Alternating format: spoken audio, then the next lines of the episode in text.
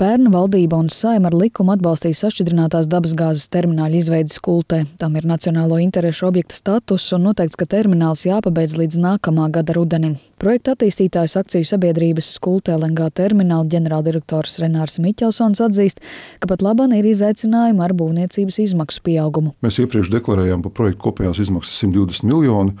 Un tad jau mēs bijām izvēlējušies piegādātāju, un tad jau mēs jau pagājušā gada otrā pusē jau sākām saņemt signālus, kad izmaksas kāpj.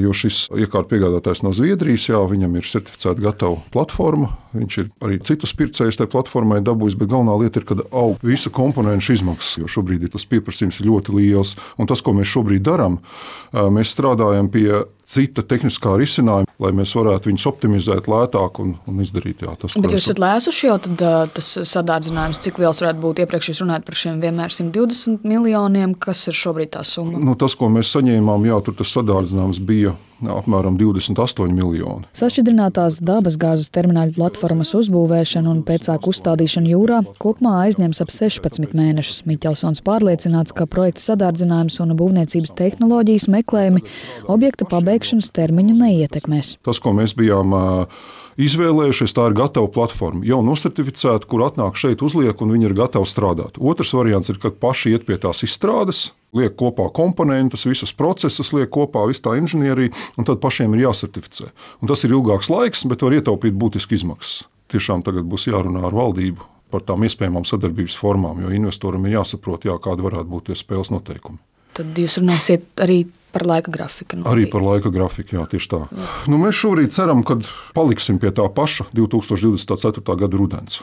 Pat labam gatavību projektā iesaistīties paudis viens strateģiskais investors. Par spēles noteikumiem Miķelsons skaidro, ka valdībai plānots piedāvāt vairākus sadarbības veidus, tostarp vienoties par kādu terminētu valsts atbalstu tieši garantiju veidā pēc gāzes termināļu uzbūvēšanas. Ne likums, ne kādi citi ministra kabineta eh, rīkojumi šāda veida garantijas neparedz tad ir jāskatās detalizēti, par ko tieši ir runa, un jāveic eh, šo priekšlikumu arī analīze, lai pieņemtu kādus lēmumus. Bet šobrīd mums nav pieejams nekāda veida informācija par iespējamām garantijām.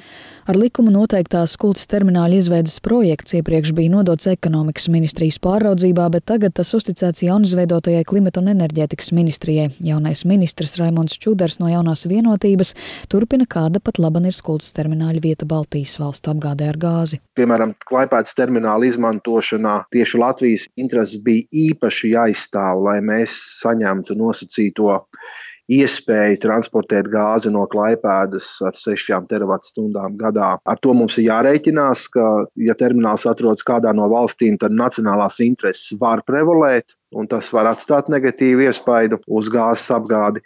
Tāpat laikā jāatzīst, ka šobrīd ir arī Inko termināls Somijā, kurš ir sācis testa režīmā darboties un ir savienots ar Baltiku konektoru gāzes vadu zem Somijas līča ar Igauniju, līdz ar to ar visu Baltijas gāzes tīklu. Protams, šī pieejamība, ņemot vērā šos apstākļus, palielinās.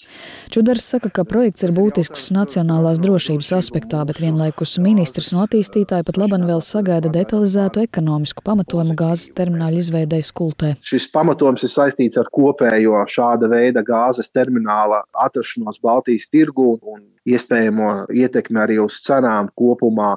Šeit runa tiešām ir jau par detalizētiem priekšlikumiem, kuri būtu izskatāmi atsevišķi. Un šobrīd lielā mērā paša attīstītāja rokās piedāvāt valdībai šo ekonomisko modeli, kurš būtu dzīvotspējīgs un ekonomiski pamatots.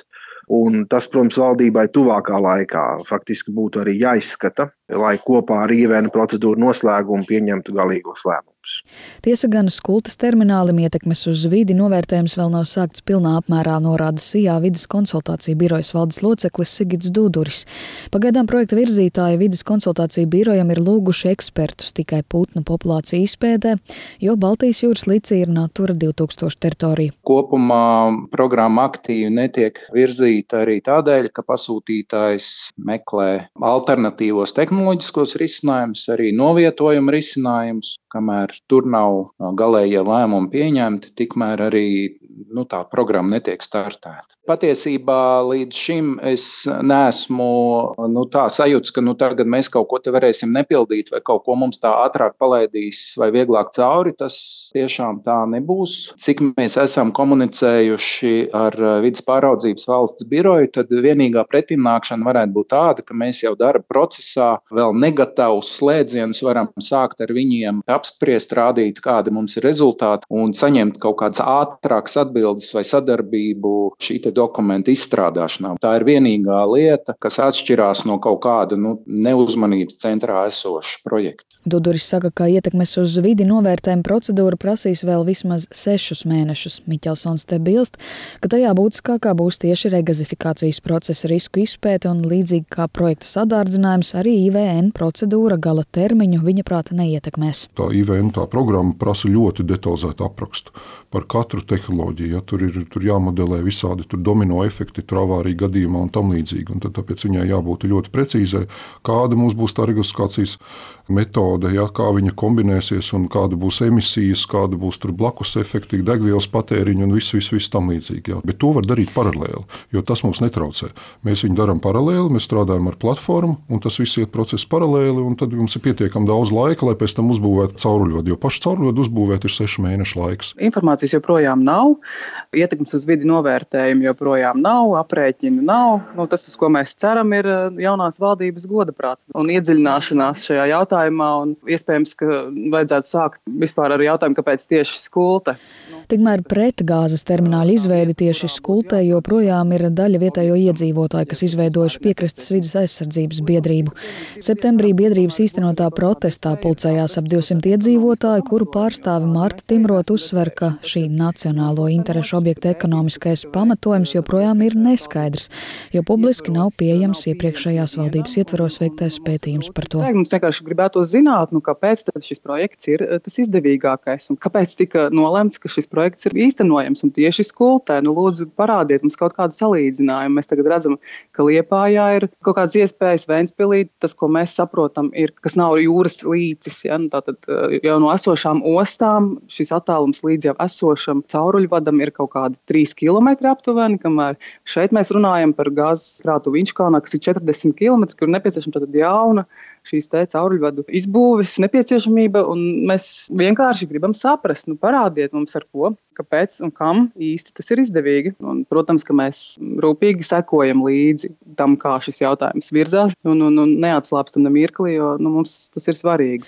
Limbažu novads ir viena no vietvarām, kuras teritorijas kars termināļu un gāzes vada izbūve. Pašvaldības vadītājs Dagnis Straubergs no reģiona apvienības arī apliecina, ka kopā informācija par projektu arī domē liedz par to diskutēt. Tas process gan bija neredzēts jau pie pagājušās valdības, ka neko neatklājot, tātad tiek pieņemt lēmumu par šīs termināla būvniecības nepieciešamību un tā tālāk. Nu, kaut kā ļoti, ļoti dīvaini, mēs tā kā deputāti neformāli mēģinājām saprast, vai mums šobrīd vajadzētu arī domāt kopīgi izteikt kādu viedokli un konstatējam, ka šobrīd nav ko īsti teikt. Mēs varam sanākt kopā un teikt, ka mums patīk, ne, mums nepatīk. Jā. Nu, tas nebūs konstruktīvi. Mums ir skaidri jāatbild, bet mums jau nav ne ietekmes vidas novērtējums, ne arī kāda cita ekonomiskā nefinansēšanas modeļa mums nav zināma.